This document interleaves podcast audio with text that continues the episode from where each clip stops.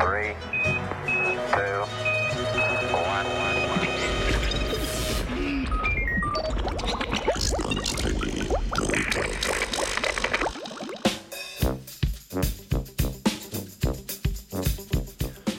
Pred natisi pod drobnogledom.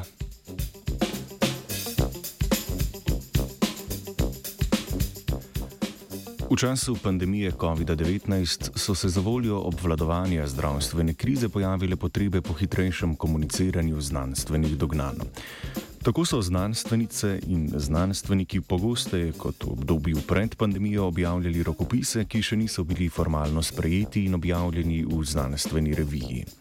Mednarodna raziskovalna skupina se je lotila preučevanja razlik med prednatisi in strokovno pregledanimi objavljenimi različicami istih člankov z začetka pandemije.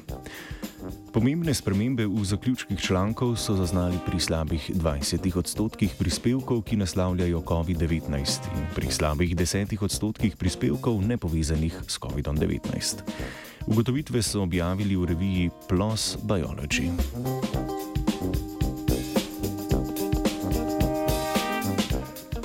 Prednatis oziroma angliško preprint je stopnja v razvoju znanstvenega prispevka, ki še ni bil podvržen formalnemu strokovnemu pregledu.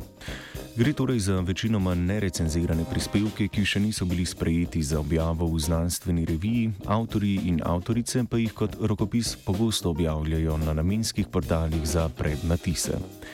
Recenzentski postopek lahko traja več mesecev, zato prednatisi omogočajo bolj ažurno izmenjevanje znanstvenih dognanj.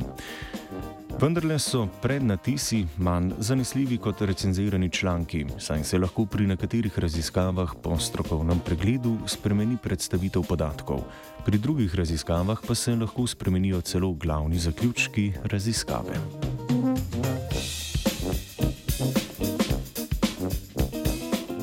Prvih štirih mesecih pandemije je bilo objavljenih preko 16 tisoč znanstvenih prispevkov v zvezi s COVID-19. Od tega jih je bila več kot tretjina vnaprej javno dostopnih v obliki prednatisov. Raziskovalna ekipa se je tako lahko lotila preučevanja prednatisov, ki so jih pridobili strežnikov za prednatise BioArchive in MedArchive. Obravnavali so 184 prednatisov in pripadajočih končnih objavljenih člankov iz začetnega obdobja pandemije.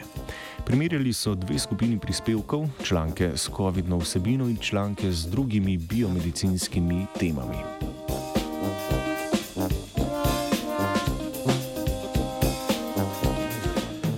Da bi znanstvenice in znanstveniki določili stopnjo, do katere so se glavni rezultati in zaključki prednatisov po objavi spremenili, so primerjali povzetke, diagrame in tabele med obema različicama prispevkov.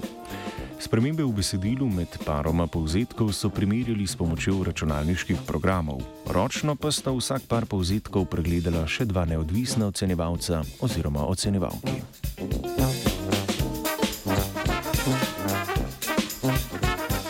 Pri COVID-nih in drugih biomedicinskih člankih v približno tretjini primerov ni prišlo do pomembnih sprememb, pri več kot polovici pa je prišlo do manjših sprememb, bodi si jačanja, bodi si omilitve glavnih zaključkov.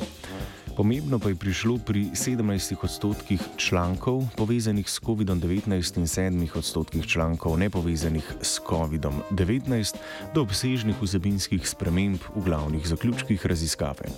V enem od 184 primerov je po objavi prišlo celo do nasprotnih zaključkov, kot so bili sprva predstavljeni v prednatisu.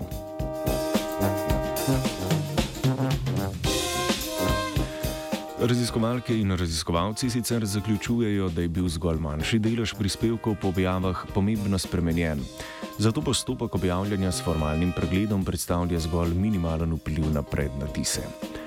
Kljub temu lahko ti članki predstavljajo pomemben doprinos k širjenju neustreznih zaključkov. V raziskavi sicer niso obravnavali prednatisov, ki zaradi različnih razlogov še niso ali pa sploh nikoli niso bili sprejeti v objavo.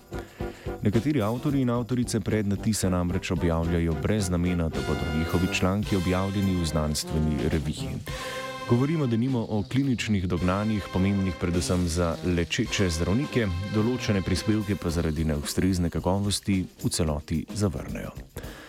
To vrstni nekakovostni prednatisi seveda krožijo tudi po znanstveni skupnosti, večji problem pa so neustrezni znanstveni zaključki, ki lahko povzročijo nepopravljivo škodo na določenem raziskovalnem področju.